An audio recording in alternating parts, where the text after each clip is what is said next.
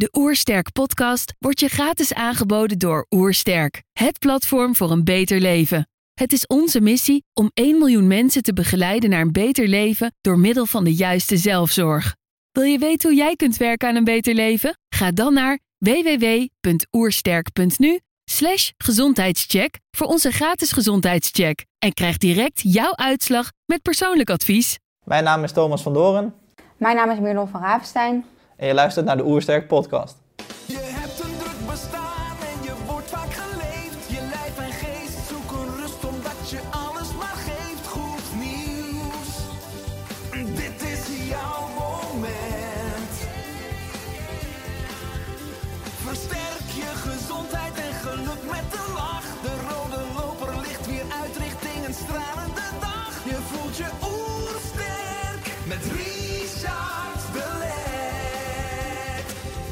We zijn hier in Heemskerk voor een podcast met Thomas van Doorn en Merlon van Ravenstein.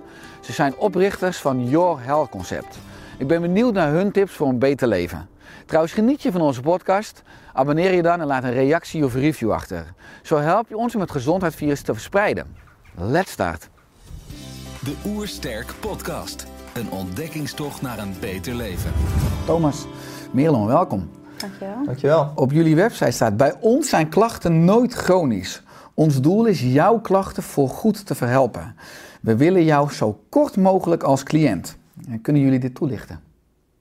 Ja, zeker. Wat we vooral bedoelen met eh, klachten eh, zijn niet chronisch, is dat we graag in oplossingen willen denken. En eh, niet eh, een aantal symptomen die er zijn eh, voor lief willen nemen en daarbij zeggen.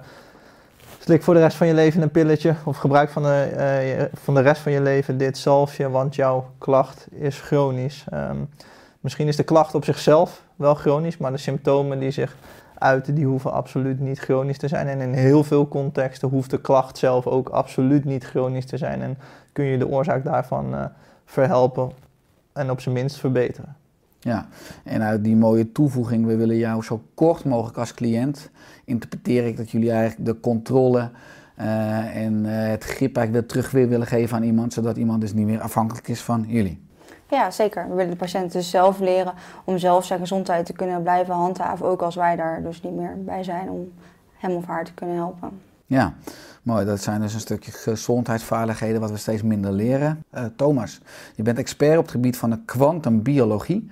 Eh vind wel een fantastische term, maar wat is dat precies? Ja, dat klinkt wat stoerder dan dat het is hoor. En waar het eigenlijk om draait is dat je... Het is een mix tussen natuurkunde en geneeskunde. Dus er zijn een aantal natuurkundige wetten. Hè, die zijn eh, bestudeerd door onder andere Einstein. En als mens ben je onderworpen aan die wetten. Of je nou kiest voor God of, of evolutie, we hebben met die wetten te maken.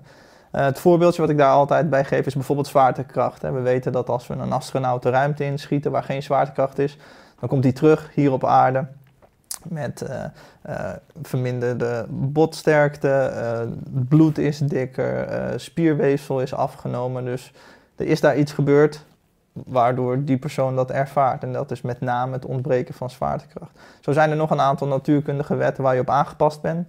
En als je die dus breekt, dan heeft dat gevolgen voor de gezondheid. En de studie van kwantumbiologie kijkt hoe het breken van die wetten invloed heeft op mensen, dieren en daarmee dus ook gezondheid. Hmm.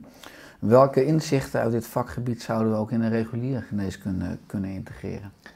Nou, ik denk dat de belangrijkste factor is waar we wel eens eh, ehm, aan voorbij gaan, is dat we een dag- en nachtritme hebben, een circadiaans ritme of een biologische klok. En dat de invloed van die biologische klok op gezondheid groter is dan we denken. En daardoor zullen we er dus ook meer mee rekening moeten gaan houden dan dat we op dit moment doen.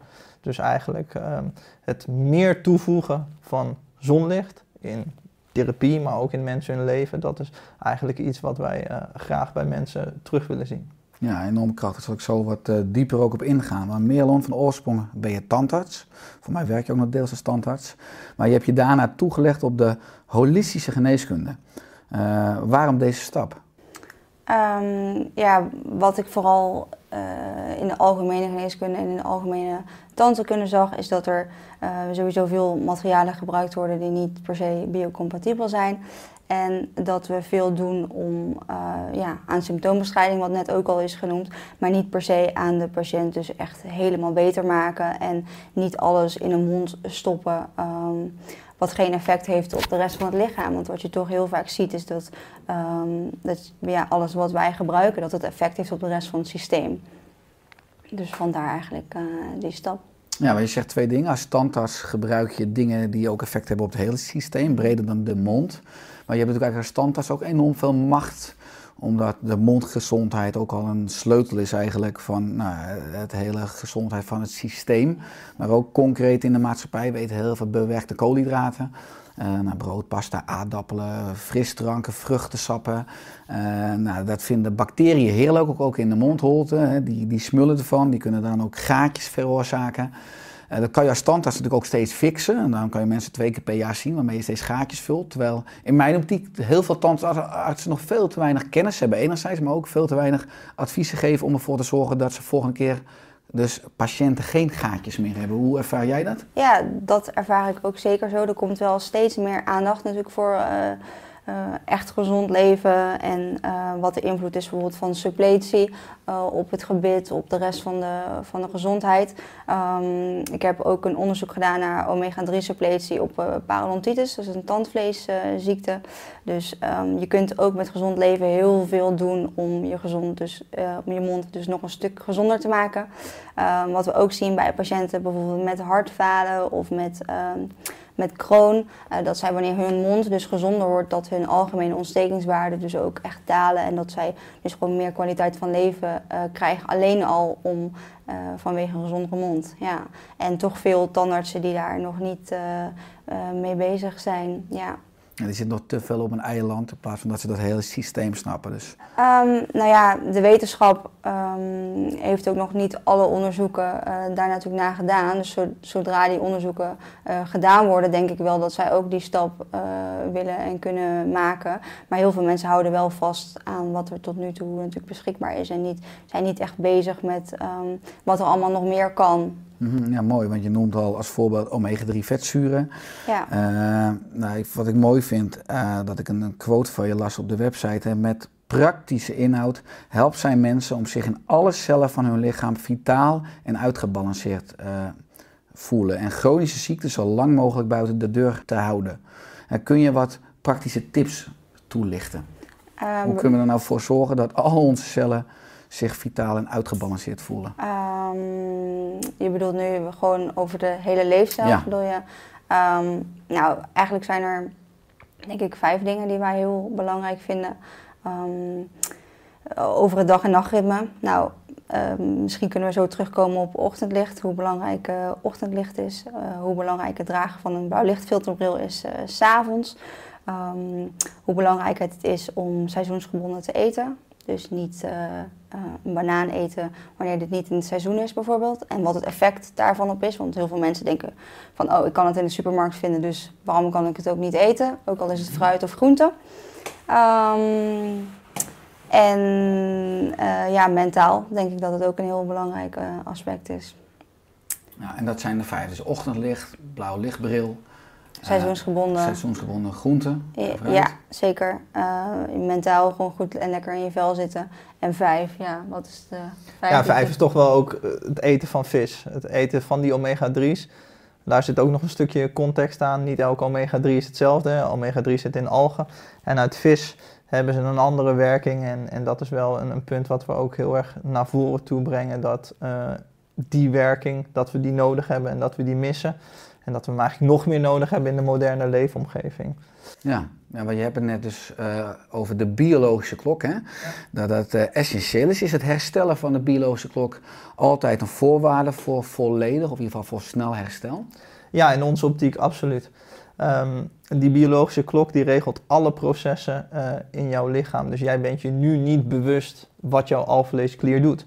Maar die doet iets. Maar die zal om drie uur 's middags iets anders moeten doen of een ander activiteitslevel moeten hebben dan om drie uur s'nachts. En zo geldt die afwisseling voor alle organen.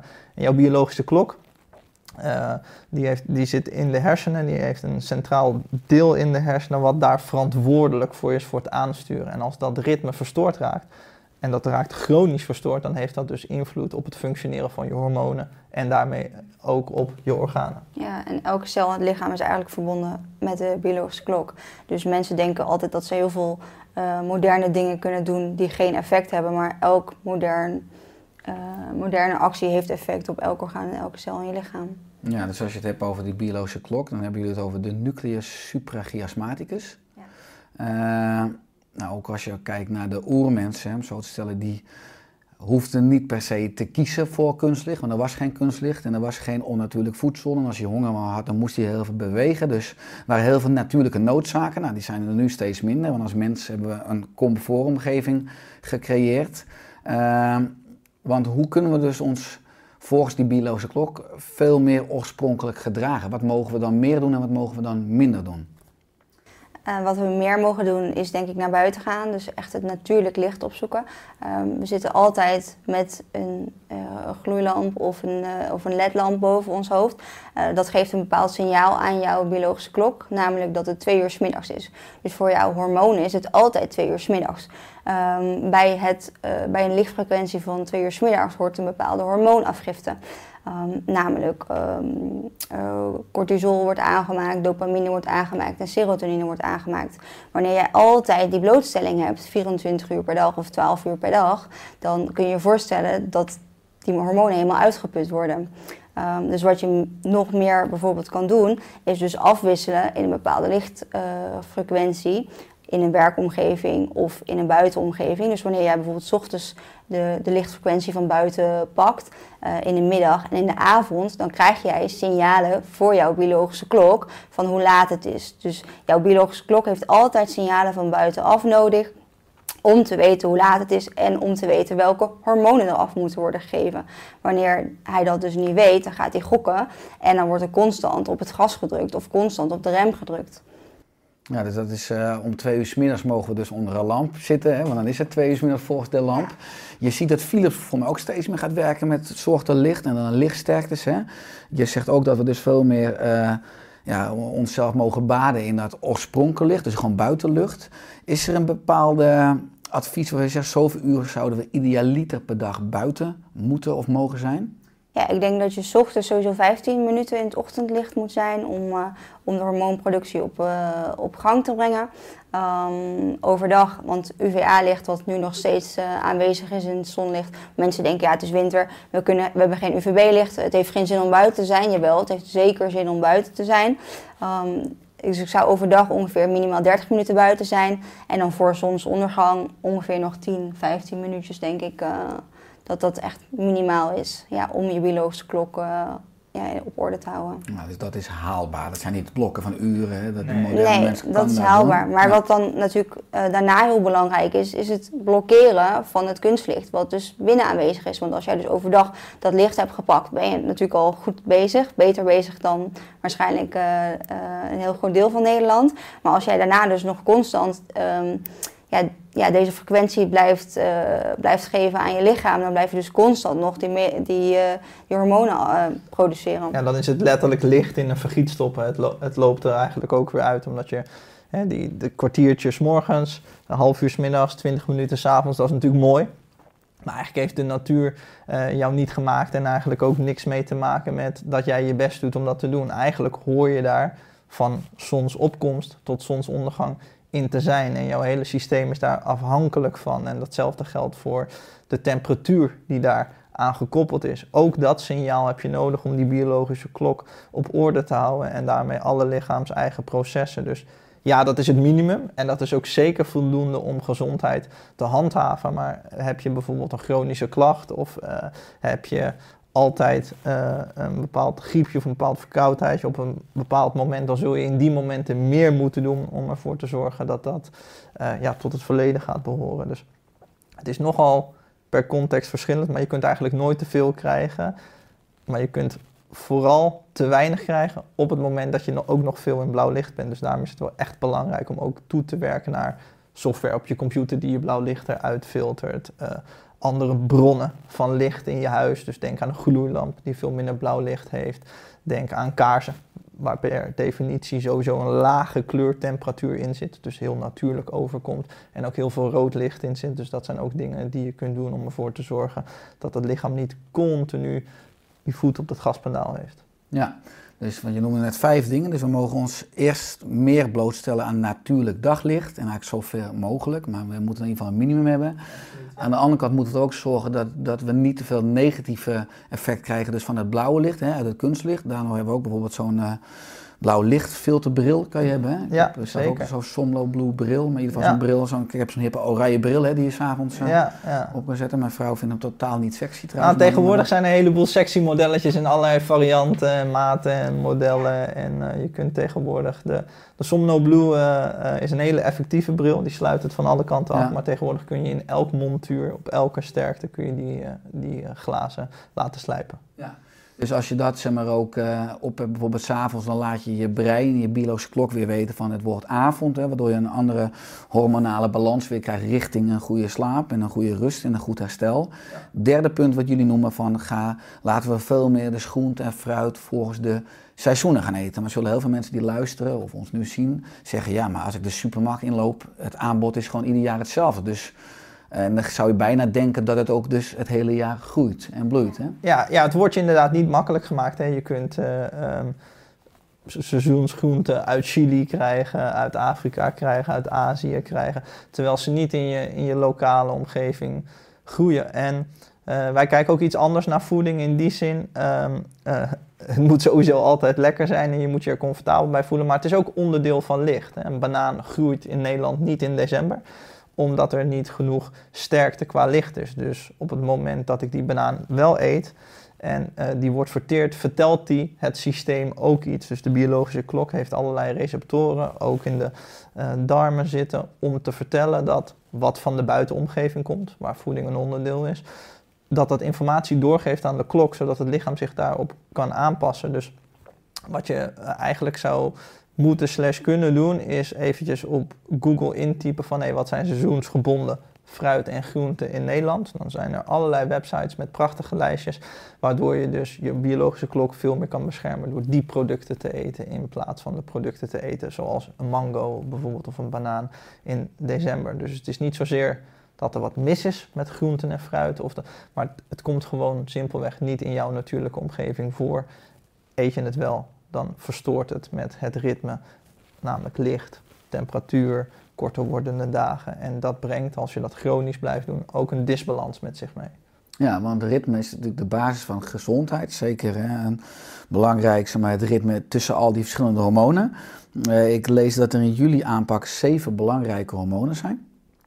Eh, insuline, oestrogeen, eh, leptine, het stresshormoon, het cortisol, het schildklierhormoon, het, het testosteron en het groeihormoon. Oh, dan doen we onszelf, eh, dan hebben we zelf een beetje gesmokkeld. Dan moeten we daar ook nog een acht aan toevoegen, dat is melatonine. Melatonine, het slaaphormoon. Ja, 1, absoluut. 2, 3, 4, 5, 6, 7, 8. Ja, zijn er dan 8. Dat zijn er 8 inderdaad, ja. Ehm, wat zijn nou simpele of praktische tips, niet per se per hormoon, maar waar je zegt als je dit al doet of gaat doen, heeft het een enorm positief effect op eh, het samenspel tussen deze belangrijke acht hormonen. Het ochtendlicht pakken. Dus vanaf het moment dat de zon opkomt tot in de zomer daarna twee uur, daar is dat window wat groter eh, dan in de winter. In de winter is dat wat korter, dan zou je ongeveer zeggen om en nabij een uur. Dan is er een bepaald soort samenstelling van licht die heel mooi aansluit op je biologische klok. Jouw biologische klok is niet exact 24 uur, die is 23 uur en 53 minuten. En die heeft altijd nieuwe input nodig om daar vandaan te werken. En de samenstelling van het ochtendlicht, die zorgt ervoor dat de hormonale balans helemaal gaat zijn zoals hij moet zijn. Dus dat minimaal dat kwartiertje per dag is eigenlijk de belangrijkste tip om al die hormonen de voorwaarden te geven om goed te kunnen verlopen op het juiste moment. En je laat dus je biologische klok s'morgens al weten van hey, het is dag. En dat zorgt voor een juiste beginstand al van die hormonen. Ja. Maar als je dat vertaalt dan naar een slaapkamer, heel veel mensen hebben natuurlijk gordijnen of er is enorm veel lichtvervuiling. Eh, nou, dat kan je misschien niet per se zeggen van het advies van ga eh, verhuizen naar een donker dorp en waar je geen gordijnen nodig hebt. Maar eigenlijk als dus de daglicht 's morgens in je slaapkamer komt, is dat dan een natuurlijk signaal om wakker te worden. Maar hoe kan de moderne mens ook in steden zeg maar, ook profiteren van het ochtendlicht? Ehm, dat, die donkere slaapkamer is niet zo'n probleem. Eh, in die zin, ik zou hem altijd graag donker willen hebben, zodat de slaapkwaliteit goed is. En als jij overdag buiten bent geweest of een beetje tegen de avondzon aan buiten bent geweest, dan neemt de klok ook al dat ritme op. En dan kun je ook wakker worden op basis van een stijgende lichaamstemperatuur. Dus dan, je hebt niet per se ochtendlicht nodig om wakker te worden. Je hebt wel ochtendlicht nodig om de klok weer aan te zwengelen. Dus ik zou er vooral voor zorgen dat op het moment dat je wakker wordt, hè, dat gebeurt bij veel mensen als het nog donker is, probeer dan zoveel mogelijk kunstlicht te blokkeren. Dus of je doet je bril op, of je hebt je lampen aangepast.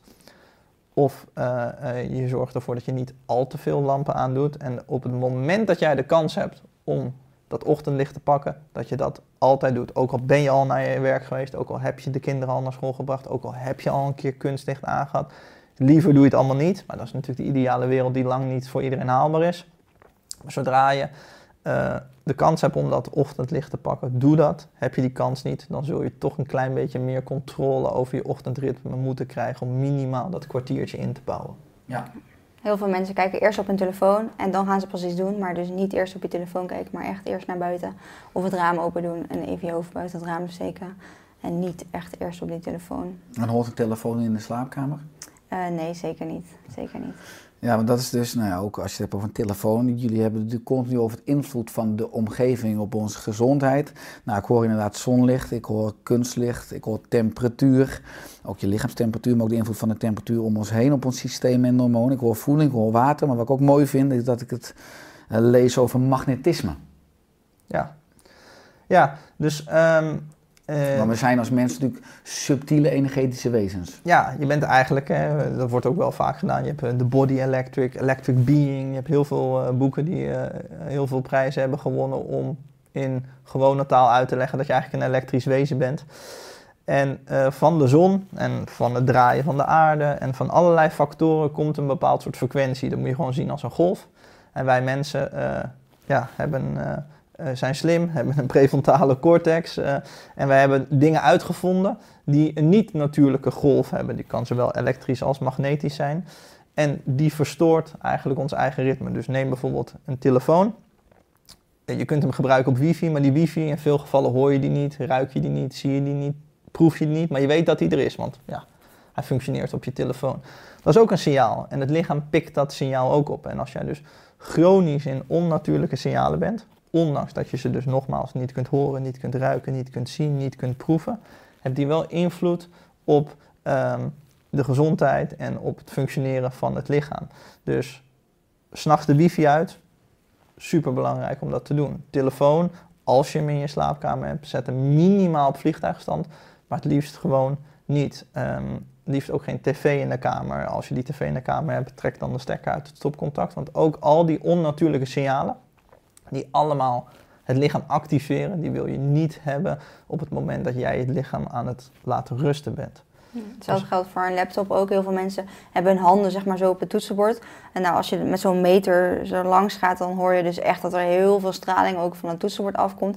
Dus zo'n inplugbare toetsenbord die je dan gebruikt om op je laptop te werken, zou ook een stuk beter zijn dan constant met je handen dus op, zo'n, uh, op die laptop liggen. Of wat ik ook regelmatig wel eens zie, dat mensen dat in de trein laptop op schoot hadden. Nou, dan krijg ik echt uh, krommende tenen van. Omdat het gewoon, ja, mensen weten niet dat straling ook gewoon heel veel effect heeft op je cellen. En, op en je je krijgt er klanten van.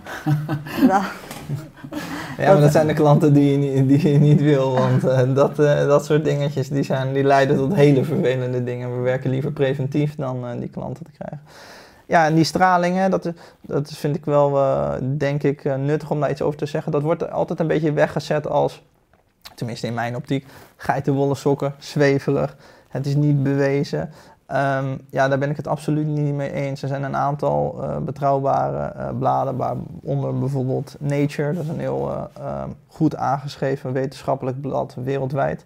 Ze hebben een studie gedaan in samenwerking met zowel private bedrijven als overheden, waarin aangetoond werd dat zowel 1, 2, 3 als 4G schadelijk is voor dieren en mensen. Vallen ook onder die groep dieren. En ehm, ja, je wil er gewoon voor zorgen dat je zo min mogelijk straling hebt. Tuurlijk heb je ermee te maken en je hoeft echt niet eh, eh, met een, eh, wat is ook weer, zilverfoliehoed eh, door de stad heen te lopen. Maar op het moment dat je gaat rusten, wil je echt zo min mogelijk van die straling in je omgeving hebben. Ja, ik ben het er helemaal mee eens hoor. Ik, eh, ik zeg soms wel eens, voor mij is is straling een beetje de nieuwe bacteriën. Vroeger zagen we bacteriën niet Ja. voor de uitvinding van de microscoop. En toen zeiden we, ze bestaan niet, we kunnen ze niet zien. En straling zien we ook niet. Dus er zijn nog heel veel wetenschappers die zeggen van, we kunnen het niet zien, dus het kan ook geen schade geven. Hè? Want eh, nou, normaal zijn we zijn subtiele wezens en dat nou, kan wel schade geven. Nu zijn er ook natuurlijk best veel mensen, ook dat ik nog een zelf een praktijk geneeskunde had, die een router gewoon onder hun bed hebben. Zeker ook als ze nou ja, klein wonen. Eh, die een televisie en allemaal apparatuur in hun slaapkamer hebben. Wat je al zegt, zet het zoveel mogelijk s'nachts gewoon uit. Eigenlijk hoort natuurlijk geen router onder je bed, maar dat is dan, eh, eh, er zijn inderdaad nog heel veel mensen die dat wel hebben. Ja, nee, dat is echt een hele grote. Als we nummer 6 noem, moeten noemen, dan is het wil je zo min mogelijk niet natuurlijke elektromagnetische velden weg hebben. Zeker als je gaat slapen. Ja, en hoe kunnen mensen zorgen voor dus een gezonder of beter eh, natuurlijke magnetisch veld? Kan je daar ook aan werken door bijvoorbeeld veel planten in je huis te hebben of veel groen? Absoluut. eh, De planten houden heel veel van de straling eh, tegen. Wat je ook zou kunnen doen, en dat is natuurlijk wel weer een beetje afhankelijk van waar woon je en hoe zit het in elkaar. eh, maar aarde, jezelf aarden. Dus met blote voeten, het liefst op natuurlijk ondergrond, dus gras of zand of in een meertje. Jezelf verbinden met het aardse magnetische veld. En ehm, dat aardse magnetisch veld, dat is een heel lang getal met eh, eh, een cijfer en daar nog 30 getallen achter de komma. En de alpha wave van je brein die draait exact op dat cijfer met exact 30 getallen achter de komma gelijk als het aardse magnetisch veld. Dus op het moment dat je jezelf daarmee verbindt, dan krijg je eigenlijk gratis energie van de aarde. En dat zorgt er ook voor dat je het magnetisch veld van je hart en van je hersenen en van andere organen eh, weer op de juiste manier verloopt. Weer coherenties, gaan we in ritme lopen. Ja, Een soort reset als je het wel Ja. balans bent. Ja, en ook dat heeft een beetje een zweverig imago van ja, moet ik dan een boom knuffelen of moet ik dan... Eh, maar eigenlijk is dat ook gewoon een, een, een vrij duidelijk natuurlijk fenomeen. Ehm, ja, het is gewoon een, eh, een natuurlijke wet die ervoor zorgt, ja, dat veld is er. En op het moment dat daar een natuurlijke ondergrond is, dan kun je dat veld oppikken via de zweetklieren van je voeten of van je handen. En eh, zoals je net al zegt, dan eh, gaan systemen weer mooi gelijk lopen. Ja. Ja. en het is ook weer gratis eh, energie, want heel veel mensen denken ook dat ze alleen maar energie uit voeding eh, kunnen halen. Eh, maar je kan energie natuurlijk uit slapen halen, uit licht, maar ook uit elektronen eh, van de ondergrond. Ja. Ja, dus daar zouden we veel meer gebruik van mogen maken. We zijn wat vervreemd van, letterlijk van onze oorsprong en, en Ja. onze moeder aarde. Ja, absoluut. Eh, ik noemde net dus die acht essentiële hormonen, zeven, maar acht. Eh dat zijn natuurlijk ook eh, goede manieren zeg maar, om die hormonen heel goed uit balans eh, te brengen of te verstoren. Eh, nou, dat is een beetje een retorische vraag, maar hoe kijken jullie eh, naar nachtdiensten? Ehm, ik denk dat heel veel mensen vastzitten eh, in hun hoofd van oké, ik, ik moet die nachtdienst draaien, want dit is mijn baan, ik moet dit doen. Ehm, kijk, voor die mensen denk ik dat ze heel veel nog daarnaast kunnen doen om hun dag- en nachtritme toch te beschermen. Dat is onder andere zo'n blauw lichtfilterbril, maar er zijn nog een aantal andere dingen. Ook met voedings, eh, met, de- met fasting die je natuurlijk kan toepassen. Ehm, maar het beïnvloedt je lichaam altijd. Het heeft altijd invloed. eh, eh, het brengt altijd schade aan. Dus voor die mensen, eh, die moeten een aantal dingen nog strenger opvolgen om maar niet ziek te worden. Kijk, als jij postbezorger bent en jij loopt de hele dag eh, brieven te bezorgen met heel veel in de buitenlucht, dan is jouw ehm 24-uursritme veel beter op orde dan, dan artsen die, die s'nachts moeten werken bijvoorbeeld. Dus zij moeten veel meer doen om gezond te kunnen blijven. Terwijl ze eigenlijk natuurlijk een super, ja, postbezorger is ook belangrijk, maar een heel erg eh, belangrijk beroep hebben. Ja, om dat negatieve effect te compenseren. Want nachtdiensten heeft dus per definitie al, dat zie je ook dat het brein sneller veroudert. En dat we ook op het gebied van onze hormonen en telomeren, onze genen, versneld verouderen. Omdat het eigenlijk tegen ons ontwerp ingaat. Hoe we ontwikkeld zijn. Ja. Ehm, je noemde dus net van die vijf punten. eh, natuurlijk daglicht, kunstlicht, dus eh, groente en fruit volgens de ritmes. Maar ook punt 4 was mentaal. Eh, nou, dat is natuurlijk fantastisch, omdat het weer wat breder is dan puur voeding en leefstijl. Wat kunnen we doen om mentaal sterker te worden en ook uh, mentaal voor, te zorgen dat onze hormonen ook beter in ritme komen of blijven? Wat wij altijd proberen mee te geven aan onze cliënten is, wij denken persoonlijk dat op het moment dat je weet waarom je iets doet, dat je ook geneigd bent om het langer vol te houden. En als je uh, weet waarom je iets doet en je begint te merken dat het effect heeft, dat dat je ook een geluksgevoel geeft. Dus heel veel uh, cliënten geven bij ons aan van, oh dat ochtendritme joh, dat vind ik lastig en met de kinderen en ingewikkeld. Dan hebben ze een keertje een weekje vakantie of, of het is gewoon makkelijker omdat het in de zomer is. En dan merken ze, hé, hey, door het ochtendlicht voel ik me echt de hele dag beter. Daardoor krijgen ze een boost om meer uh, hun dag in te plannen om de dingen die ze doen, dus meer tijd voor jezelf te nemen, dingen die voor jou werken, die voor jou goed voelen, om die te gaan uitvoeren, zodat je jezelf mentaal de ruimte geeft om ook te onstressen. Dus dat bedoelen we eigenlijk met mentaal, dat je dus ook dat is onze plicht. Daar speel jij een rol in met je bedrijf. Maar ook jij zelf zult jezelf ruimte moeten geven om ook mentaal te ontspannen. Dus niet alleen fysiek te ontspannen door te sporten, maar ook jezelf af en toe 20 minuutjes dat ochtendlicht te geven zonder telefoon of zonder krant. Of in de middag een keer 20 minuutjes jezelf daar die rust te geven om alles ook te kunnen verwerken. Wat is een sterk ochtendritueel? Uh, het allersterkste ochtendritueel uh, vind ik persoonlijk wakker worden, meteen naar buiten toe gaan. Op het moment dat je buiten bent geweest, dat het liefst op blote voeten doen. Hè, dus ook weer die aarding, het verbinden. En nadat je dat hebt gedaan, goed veel water drinken. Dat mag echt wel tussen een halve liter en een liter zijn. Mag echt flink doordrinken. En het liefst dan meteen ontbijten. Uh, we leven in een omgeving waar cortisol continu hoog wordt opgejaagd. En wat doe je eigenlijk op het moment dat je een goed eiwitrijk ontbijt neemt? Dan breng je die cortisolwaardes naar beneden. En ja, je hebt hogere cortisolwaardes nodig om te functioneren. Maar bij ons zijn ze chronisch hoog. Dus dan zou ik het verstandig vinden om bij het ontbijt um, eiwitrijk te eten om die cortisolwaardes wat meer terug naar normaal te brengen. Ja. nog iets aan toe te Ja, en vetrijk ook, omdat dat natuurlijk ook die cortisol uh, uitbalanceert.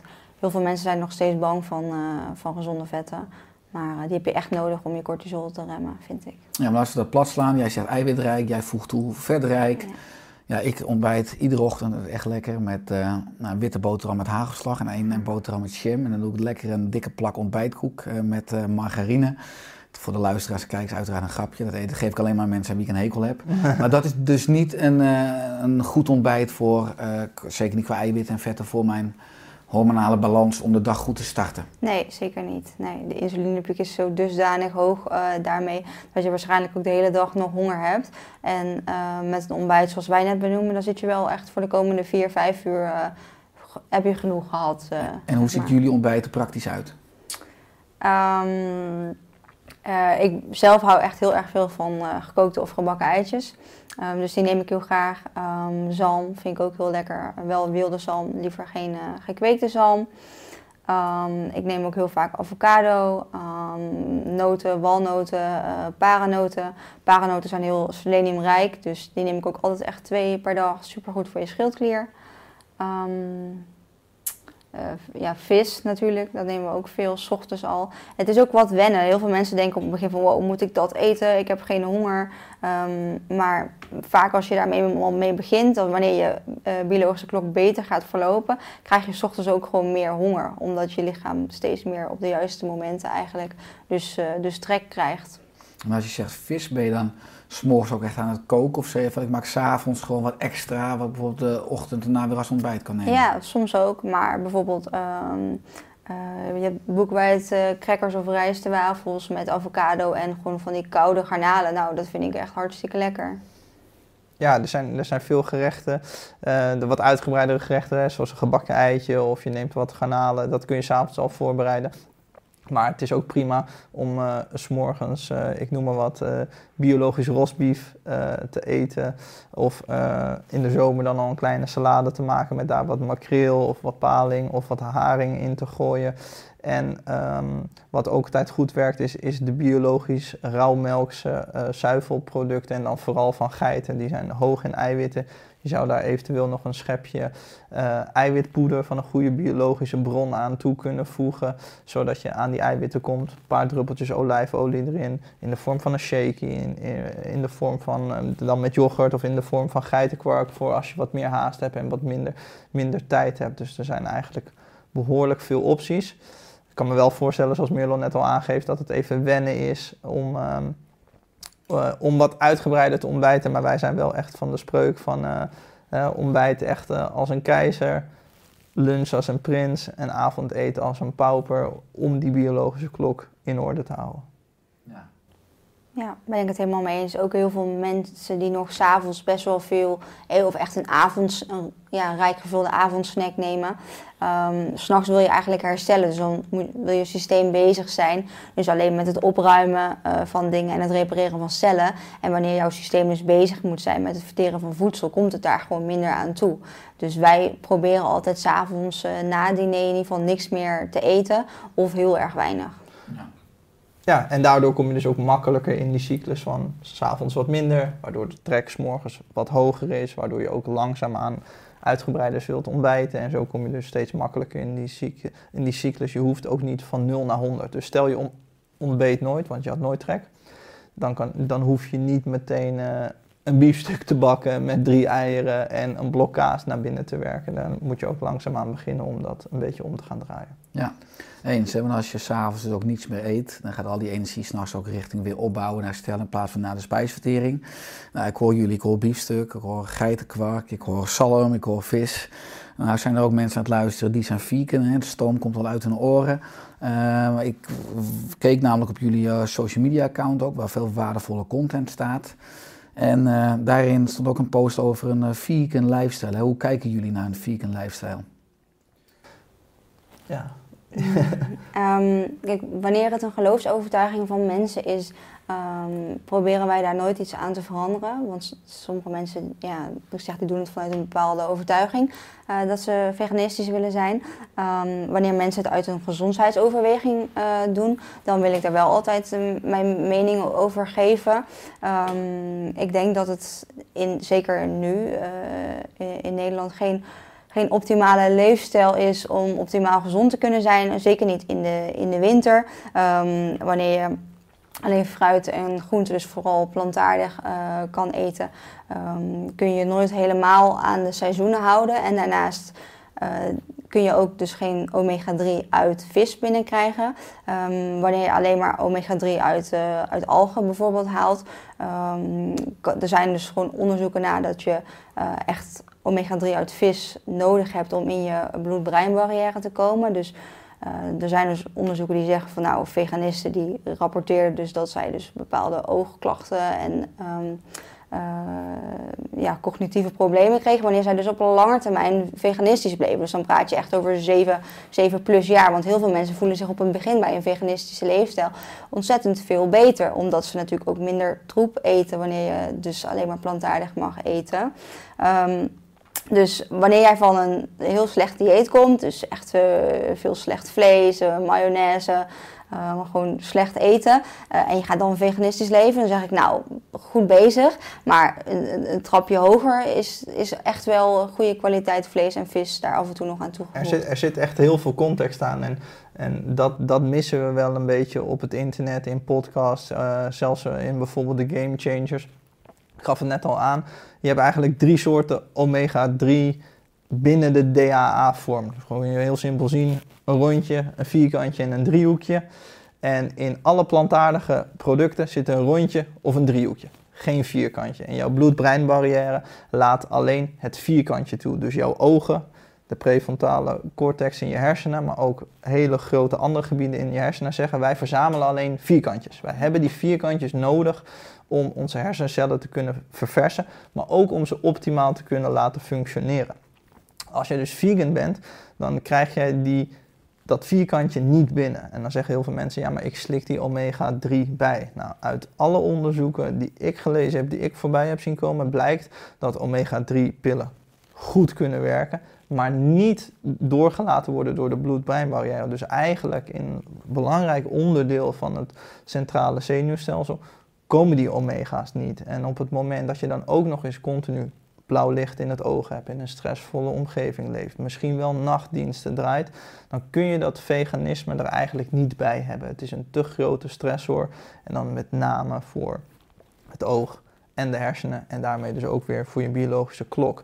Dus dat vinden we vaak jammer, dat in onze optiek het heel erg als een geloofsovertuiging uh, wordt weergegeven. En als je dan context aanlevert, dat die context van tafel wordt geschoven en dat die niet van belang is. En, dat is wel eens iets waarvan wij denken van hé, hey, we zijn er niet voor of we zijn er niet tegen, maar er is meer context dan er veel geschetst wordt. En ook in een film als Game Changers, hè, wat toch voor veel vegans de heilige graal is. Zodra je iets zegt, dan is het ja maar Game Changers.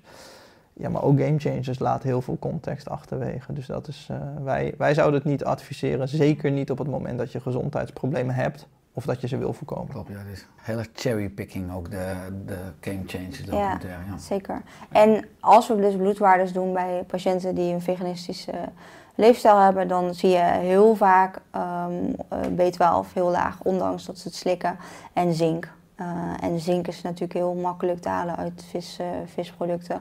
Bijvoorbeeld één oester uh, geeft al genoeg zink voor een hele week. Dus als je één oester per week heeft, dan ben je gewoon eigenlijk klaar. Hetzelfde geldt voor DHA. In één oester zit meer DHA in die vierkante positie, om het maar even zo te noemen, dan in een kilo grasgevoerd uh, biologisch orgaanvlees. Om eventjes aan te geven hoe cruciaal uh, zeevoedsel kan zijn. En prikken jullie ook de omega-3-index? Uh, dat is een beetje afhankelijk van de context van de, van de patiënt. Meestal laten we het achterwege, omdat je uit andere dingen in het bloedwaarde al kunt concluderen uh, dat die omega-index of negatief, of ja, niet negatief, maar in ieder geval beïnvloed is door het slikken van omega-3-supplementen. Of dat iemand uh, de kwaliteit van het vlees wat die persoon eet dusdanig laag is dat, je, dat we het altijd prikten, dat we altijd hetzelfde beeld teruggeven en op een gegeven moment besloten hebben om ja, ook wat kosten te besparen om dan te zeggen van oké, okay, die prikken we Snap niet ik. zo regelmatig meer. Ja, want het is essentieel wat je zegt, dat dus het netvlies en ook een groot deel van de hersenen, dus dat DH ook echt nodig hebt als bouwsteen. Uh, je geeft aan, Merlon, dat als mensen lange tijd vegan zijn, vooral over jaren, dat eigenlijk het brein uitgehongerd raakt, vooral aan de juiste vetzuren. En wat ik ook goed vond bij die post van jullie hè, op social media over een vegan lifestyle, is dat oorspronkelijk mensen ook zeg maar, het gehele dier aten, van kop tot staart. En dat er geen één soort vitamine is welke je uiteindelijk niet uit dierlijke producten kunt halen. Uh, nou, jullie hebben het uiteindelijk hè, ook over het hele leven. Jullie behandelen en begeleiden mensen ook enorm holistisch. Ik zag op jullie website ook video's met klantervaringen. Onder andere van Angelo. Ik ken hem niet, maar hij stelde zich voor in die video.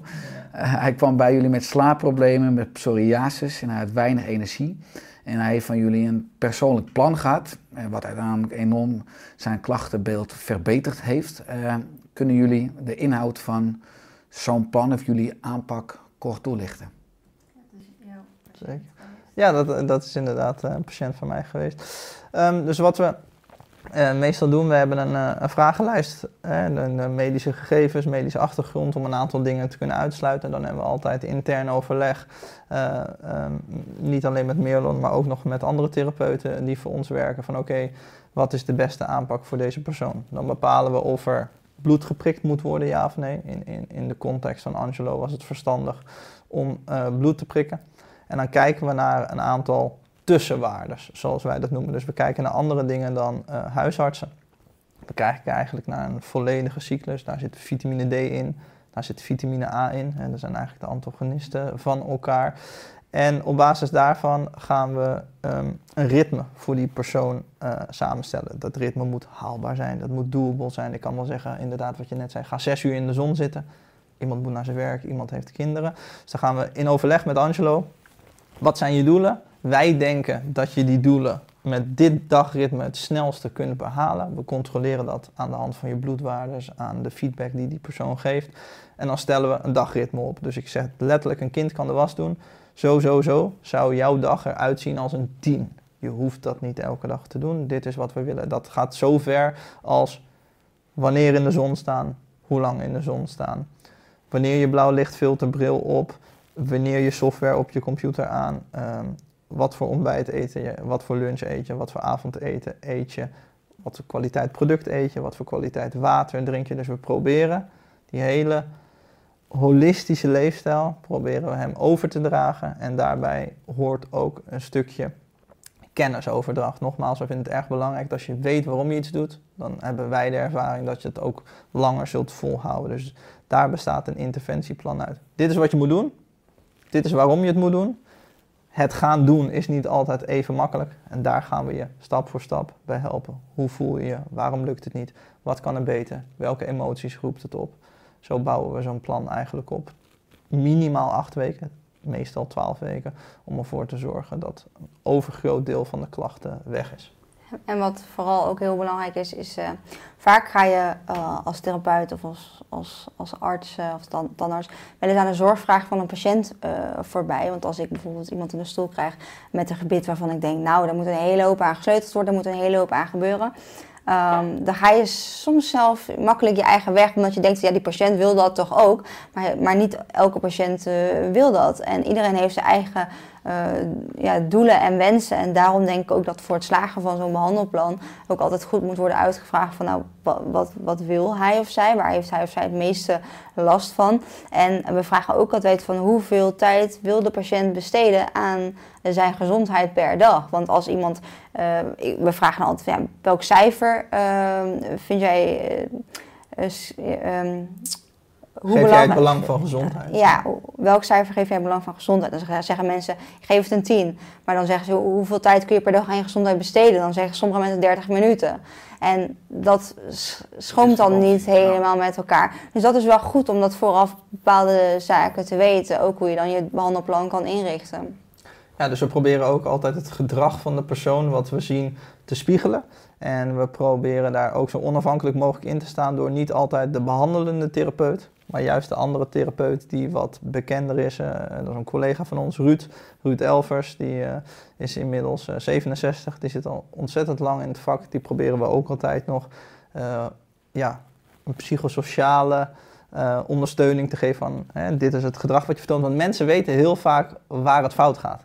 Alleen ze weten niet waarom het fout gaat. Dus heel veel mensen weten van ja, ik slaap inderdaad veel te laat. Ik zit veel te lang op die telefoon. Of ja, ik kan het toch niet laten om om 11 uur s avonds nog een halve cheesecake naar binnen te stoppen. Dus mensen weten vaak wel van ah, dit zijn de dingetjes die beter kunnen. Alleen hoe krijg ik het voor elkaar?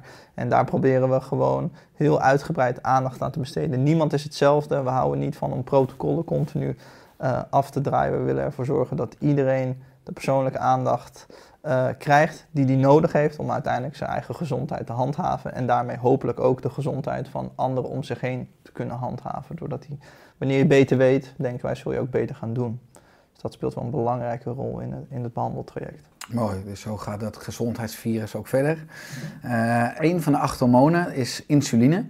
Uh, ik las ook op jullie social dat uh, 1,1 miljoen mensen volgens diabetes voor ons prediabetes hebben. Nou, vandaag krijgen ook 147 mensen te horen dat ze diabetes type 2 hebben. Uh, hoe kunnen we deze lijn ombuigen? Ja, dat is, dat is een, een brede straat, maar echt, echt de lichtcyclus veranderen. Jouw hormonen reageren eerst op, op licht. Twee derde van jouw energieproductie die jij per dag nodig hebt, is lichtafhankelijk. En jouw hormonen reageren op licht prikkels. Uh, zo, sterker nog, je hebt een lichtprikkel nodig om een bepaald hormoon te kunnen maken. Denk aan vitamine D. Als UVB-licht er niet is, dan kan ik het niet maken. Dus die prikkel die is in staat om massa te maken. En als je het heel bot wil zeggen, we willen goede, gezonde biomassa die in balans is. En doordat we onze lichtcyclus verstoren, zijn we niet meer in staat om die hormonen te produceren, op het juiste moment af te geven en de biomassa daarvan te maken gezonde cellen, gezonde organen die daarbij horen. Ja, dus om het ook wel heel praktisch te maken als mensen nu zeggen, oh op mijn uh, kantoor, ik werk gewoon nou, ergens midden in een pand en ik heb vier muren om me heen met allemaal lichtbakken boven me. Uh, ga, ga eens kijken of ik niet ergens bij het raam kan gaan werken. Dat zou een enorme ja. gezondheidsbevorderende stap zijn. Ja. Absoluut. En als, zeker als je dat raam ook nog weet open te zetten. Uiteraard begrijp ik dat het niet op alle kantoren kan. Alleen als dat dan niet kan, kun je altijd nog een blauw lichtfilterbril op te zetten. En je hoeft niet meteen de oranje bril op te zetten. Er zijn ook transparante brillen waarvan niemand ziet dat jij op dat moment, uh, ik kan me best voorstellen dat het sociaal gezien wat impact heeft als jij continu bezig bent met jouw gezondheid te beïnvloeden. Um, die brillen zijn ervoor. En je kunt ook uh, software, dat is de Iris software, uh, kun je downloaden. Op de telefoon is je overigens gratis. En op, laptop, op de desktop en op een aantal andere apparaten moet je een abonnementje kopen. Dat heb je voor de rest van je leven. Dan kun je allerlei temperaturen en allerlei variaties instellen om ervoor te zorgen dat die biologische klok meer rust krijgt. Dat is anders dan het programma Flux op je Ja, ja. en Flux... Uh, als je dat meet, uh, zeg maar, je, zegt, je stelt je telefoon op slow motion in en je filmt iets met Flux, dan blijkt er nog steeds een flicker effect in te zitten. Flikker geeft nog steeds het signaal aan je, aan je hersenen dat het dus dag is. Dus ook met Flux krijgt je, signaal, je hoofd nog steeds het signaal dat het dus dag is. Dus ook al gebruik je die app, dan heeft het dus eigenlijk nog steeds niet zo'n uh, zin. Zeg maar hetzelfde als Coca-Cola Light uh, drinken. Je krijgt nog steeds een verkeerd signaal. Je oog heeft zeg maar twee functies. Eén, dat is zien, dat is heel duidelijk. En die andere is signaaltjes doorgeven aan de klok. En dat is net als bij zo'n Philips licht. Op het oog denk je, hé, hey, er is wat veranderd. Zo'n weekopleid. Ja. ja. Maar het systeem wat de klok aanstuurt zegt, er is helemaal niks veranderd. Ik krijg nog steeds dat onnatuurlijke signaal. dus dat is wel echt een eh, heel belangrijk verschil. Waar ook weer via handige, handige marketing trucs van gebruik wordt gemaakt. Van hé, hey, je bent goed bezig voor je gezondheid. Ja, dat is eigenlijk een halve waarheid. Want dat systeem waar het echt om draait, dat leest nog steeds uit van wow, het is flikker. Dus het, het is een onnatuurlijk signaal wat 100 keer per seconde aan het brein wordt doorgegeven. En Iris haalt dat signaal eruit. Dat, dat programma heet ook Iris. Als je dat heet letterlijk in de App Store of in de Play Store Iris. Iris, ja. En dan kun je het gewoon vinden. Het ja. is simpeler dan je soms denkt. Dankjewel voor deze toevoeging. Uh, nou, als we kijken naar het moderne leven, de moderne omgeving, zit het natuurlijk ook vol gifstoffen. Dus het is essentieel dat we een goede leverfunctie hebben. Het grootste orgaan in onze buikholte. Hoe kunnen mensen de lever ondersteunen? Um, nou, ik ben zelf een fan van uh, wanneer je dus echt moeite hebt met, met detoxen, dus echt maar echt ontgiften.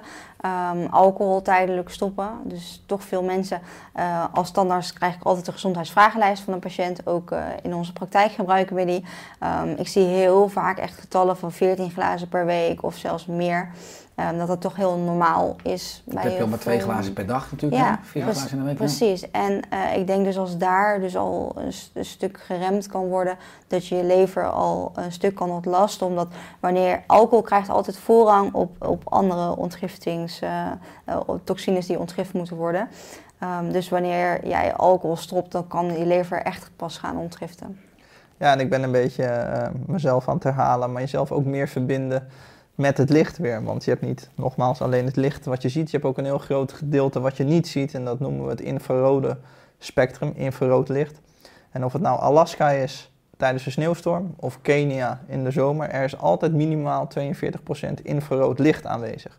Dat infrarode licht dat penetreert heel diep. Is wel een stuk lastiger als je kleding aan hebt, maar het kan wel. Maar het is dus makkelijker als je je kleding uitdoet. En dat heeft een hele sterke ontgiftende werking. Letterlijk als we een celletje zien, we stoppen daar gifstof in, microscoopje, we doen daar blauw licht op, dan gebeurt er niks. Doen we daar infrarood licht op, dan zien we in de cel dat de opruimploegen van de cel hard aan de slag gaan. Maar ook dat ze geen externe energie nodig hebben. Dus ze hebben geen voedsel nodig geen energie uit voedsel om aan de slag te gaan. Dus hoe meer jij jezelf verbindt met het rode licht, hoe makkelijker, dus dat is altijd aanwezig, hoe makkelijker het systeem zichzelf kan ontgiften. Dat, dat is niet het rode licht in die straat in Amsterdam. Nee, nee, nee, nee, nee. nee goed, een goede toevoeging voor sommige luisteraars. uh, ik zag ook een post over uh, social media gebruik en vooral het social media break. Uh, jullie zeiden van ga gewoon naar buiten toe en, en geef je over aan je zintuigen. Hè? Doen jullie dit ook zelf regelmatig? Ja, ja ik doe het zelf wel, omdat uh, van vroeger of van, van ook wanneer je meer op social media zit, dan herken je het vaak wel dat je soms gewoon je telefoon erbij pakt en automatisch gaat scrollen. Uh, je hersenen worden op de een of andere manier ook meer uitgezet als je gewoon maar uh, blijft scrollen. Um, dus ik herken mezelf daarin dat ik dat daar makkelijk mezelf in zou kunnen verliezen. Dus dan uh, na negen uur ga ik er sowieso niet meer uh, op. En soms probeer ik gewoon een week er bijvoorbeeld niet op te gaan. Ja. Um, WhatsApp, je hoeft ook niet altijd meteen te reageren. Ik heb mijn vinkjes al heel lang uitstaan. Dat blijft ook nog steeds een goede, ook al is hij misschien wat een cliché. Maar dat vind ik wel heel belangrijk, ja. Ja, het los zijn van apparatuur is echt... ehm, in de zomer eh, proberen we met alle cliënten ook de consulten buiten te doen. En dan eh, ja, ook gewoon, ja, ik schrijf het niet op op een laptop, ik schrijf het op op een papiertje. Ik verzamel alle papieren van de dag. En dan kan ik ook aan het eind van de week, kan ik ook alles in het systeem zetten. En dan eh mijn e-mailtje sturen. Terwijl als je in die flow zit van elke dag e-mails beantwoorden of alles beantwoorden. Ja, dat moet vanwege mijn werk. Of het moet vanwege dit. Of ik moet dat halen. En je merkt als je dat een weekje loslaat, dat er eigenlijk helemaal niet zo heel veel aan de hand is. Dat je geen grote deals mist, dat klanten niet weglopen, dat er niemand boos op je is, dat je niet snel genoeg reageert. Dus eh, het geeft mij altijd wel heel veel rust om, om dat eens in de zoveel tijd te doen. En ik probeer het ook eigenlijk altijd eh, dagelijks te doen. Gewoon zes of acht uur, gewoon helemaal niet op mobiel of eh, laptop te zijn. Te lezen, onderzoek te doen, patiëntendossiers op te bouwen, gewoon nog ouderwets met de pen. Volgens mij is jouw autoresponder ook dat je binnen een week eh, reageert. eh, Klopt, ja. Ik zou me dat echt moeten aanleren. Wat jullie ook zeggen, dat ik vroeger altijd een soort onrust had en iedere dag mijn mailbox leeg wilde hebben. Een soort neurose, maar je hebt het zelf niet onder controle. Je bent natuurlijk slachtoffer van net hoeveel de buitenwereld je mailt. En eh, ja, dat gaf te veel onrust en uiteindelijk gewoon dat ik veel minder mijn potentieel, eh, mijn creatieve potentieel, het liefst ben ik dingen aan het creëren inderdaad eh, aansprak. Omdat je ook niet in die creatieve hersengolven komt als je continu in die, stress beta golven blijft. Dus ik heb nu inderdaad als eh auto-reply van dat ik één keer in de week beantwoord. En dan wel de luxe, als het echt spoed is, kunnen mensen naar het infoadres. Er zijn er wel mensen op kantoor die me aan mijn haren trekken. Maar dat geeft mij echt enorm veel rust. Dat ik niet meer, ja, nou, uiteindelijk heeft het natuurlijk vooral te maken met jezelf. Dat ik mezelf dat wijs maakte. Dat ik mensen niet lang kon laten wachten. Maar misschien ook een beetje een afspraak wat we met elkaar hebben. Maar eh, dat, dat ik gewoon de mailbox nu oppak als, ik, eh, als het uitkomt. Het is vaak ook geboren uit enthousiasme, denk ik. Hè? Mensen vinden hun werk leuk, willen het graag doen, willen graag eh, interactief zijn. Het is ook allemaal ontzettend leuk om op die manier verbonden te zijn. Maar als je dat chronisch doet, dan merk ik persoonlijk dat je dan eigenlijk de connectie met jezelf verliest. En die is nog altijd belangrijker dan de connectie met anderen. Geeft ook vooral shotjes dopamine. Iedere keer dat je mailtje weer en je mailbox leeg is, geeft een lekker gevoel. Maar je produceert uiteindelijk niets. En het is uiteindelijk best natuurlijk zorgelijk als mensen 3,5 uur per dag op hun mobiel zitten, wat, wat veel mensen zitten. Dat als je op je sterfbed ligt en je bent zo'n eind 70 of begint, hè, dat, dat je ongeveer 11 jaar van je leven dag en nacht op je mobieltje hebt gezeten. Ik denk dat onze generatie, als we straks de vijf dingen moeten opnoemen op ons sterfbed waar we spijt van hebben, dat heel veel mensen zullen erkennen als ze hun data zien van jeetje, dat ik gewoon de, ruim 10 jaar van mijn leven dag en nacht op dat schermpje heb gezeten. In hoeverre heeft dat... Ja. En dan weten ze nog niet eens dat de gezondheidseffecten die daar allemaal Ja. aan verbonden zijn. hoor. Want we weten inmiddels uit onderzoek blijkt dat 85% van alle moderne westerse ziektes starten bij een energietekort. En we weten, planten, dieren, mensen, dat energie voor een groot deel wordt geproduceerd door natuurlijk licht en niet door kunstlicht. Dus dat is wel, eh, ja, daar gaan mensen, denk ik, spijt van krijgen. Mooi thema, licht. Hè? Dus het is goed dat je het zo vaak aanstipt. Ik denk dat we absoluut meer mogen en moeten doen met het natuurlijke licht. Eh, jullie werken veel samen. Hè? Jullie eh, boeken ook mooie resultaten, onder andere bij Angelo. Eh, nou, jullie eh, delen veel kennis ook op social media. Wat is nou het gekste wat jullie afgelopen jaren hebben meegemaakt?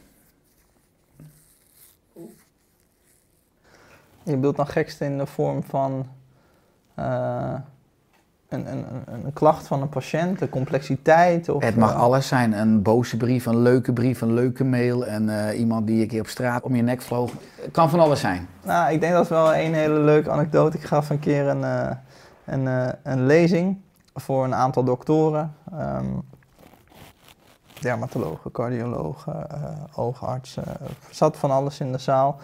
En, eh, of in de ruimte eigenlijk. En ehm, er, was één iemand en die was vijf minuten bezig. Allemaal larikoek wat jij zegt. Dus totaal niet wetenschappelijk bewezen. Je kletst uit je nek. Waar heb je het over? Ehm, vitamine D en licht, ja, dat klopt zo, maar je kunt het ook gewoon slikken en dat soort.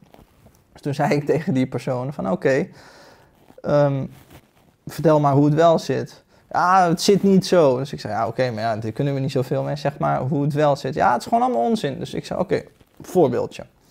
Ehm, noem eens iemand waar je, waar je een beetje vertrouwen in hebt. Waarvan je denkt, nou, die heeft er wel... Ja, Einstein. Ik zei, oh, nou, dat is mooi. Want eh, kwantumbiologie is eigenlijk allemaal gebaseerd op natuurkunde. Alles wat we doen, halen we eigenlijk langs de theorie van Einstein. Dus als je het niet eens bent met wat ik zeg, dan kan ik je doorsturen naar Einstein en dan mag je proberen om de meest geteste theorieën ter wereld onderuit te halen. Toen zag je die persoon zo kijken en de zaal begon natuurlijk al een beetje te, te gniffelen en te lachen. Ja, maar ik ben het nog steeds niet met je eens. En ja, dat, is wel, dat soort dingen krijg je wel wat vaker. Dat als mensen het niet zo goed begrijpen of dat het nieuw is, dat ze gaan roepen dat je uit je nek lult. En als je dan vraagt om een weerwoord, dan, dan krijg je van, nou, ben je niet met je eens. Dus dat is wel, ja, dat Dat is een compliment. Je daagt een wereldbeeld uit. Om Ja. je ook mentaal uit een comfortzone te laten Ja, en dat werkt Ja. toch bij jezelf altijd wel op je lachspieren, omdat je voor je gevoel je best doet om, om iedereen te helpen en uitleg te geven. En als iemand dan alleen maar blijft roepen dat hij het niet met je eens is, ja, dat is toch wel. eh dat had, je, had ik niet verwacht van mensen die in een ziekenhuis werken, die arts zijn, die lang gestudeerd hebben, die wat verder hebben. En niet iedereen is even nieuwsgierig of staan open voor nieuwe denkbeelden. Je hebt ook heel veel mensen, waaronder artsen, die mentaal heel rigide zijn. Maar die moeten eigenlijk dan juist bij jullie langskomen voor een therapieplan, hè, om ze weer wat flexibeler te maken. ja, dat zou fijn zijn. Is er aan het einde van de podcast nog iets wat jullie willen toevoegen? Nee, nee niks eh, specifieks volgens mij. We vinden het super leuk dat we hier mogen zijn. En eh, we vinden het ook super leuk dat je dit doet, dat je dit initiatief neemt om een podcast. Hè, mensen luisteren het en als je aan de andere kant van het luisteren zit, dan lijkt het allemaal makkelijk. Maar het is niet zo makkelijk om een podcast in elkaar te zetten of om goede informatie. Er zit veel tijd in, er zit veel energie in. Daar krijg je niet altijd direct iets voor terug. Ik zeg ook niet dat het nodig is, maar het, ja, het kan wel veel energie kosten. Dus dat we daar willen we heel zeker voor bedanken. En ook wat mijn ervaring is, is met eh, als iemand een podcast geeft, is dat ehm, diegene zelf ook vaak de podcast wat naar zich toe trekt en eh, zelf ook heel veel spreekt, wat op zich prima is, want je wil zelf ook je eigen kennis uitdragen. Maar dat vond ik bij jou eh, helemaal niet, terwijl je zelf eh, ja, ook het, het, een flink gewicht kan hebben in een gesprek. Dus dat viel me wel Dat is lief. op. Nou, ja, ik heb er heel weinig kennis voor, dus daarom heb ik heel weinig te praten. Maar dankjewel voor het compliment. Het is superleuk dat jullie in de podcast zijn. Eh, waar kunnen mensen meer vinden over jullie mooie bedrijf, over jullie aanpak op social? Ja, nou, ze mogen ons altijd een mailtje sturen via info.yourhealthconcept.nl. We merken toch vaak dat mensen graag hun eigen verhaal willen doen. Eh, via social media mag je ons altijd benaderen. Onze Instagram, daar zijn we heel eh Ja, Your Health. Concept eh, is de Instagram. www.yourhealthconcept.nl Dat is onze website waar je een intake consult kunt boeken. Onze missie, visie en behandelwijze kunt nalezen. Eh, Facebook is ook de Your Health Concept. eh, en we zijn ook druk bezig om op eh, YouTube wat meer uitlegvideo's te gaan maken. We zijn weliswaar net gestart, maar je kunt dus ons ook gaan terugvinden op YouTube. Mooi, dankjewel. Dankjewel voor jullie komst in de Hoofdstuk podcast. En laten we samen nog veel mooie bruggen bouwen naar eh, vitalere en uitgebalanceerdere mensen in het mooie Nederland en België. Alle goed. Dankjewel. Dankjewel. Dankjewel.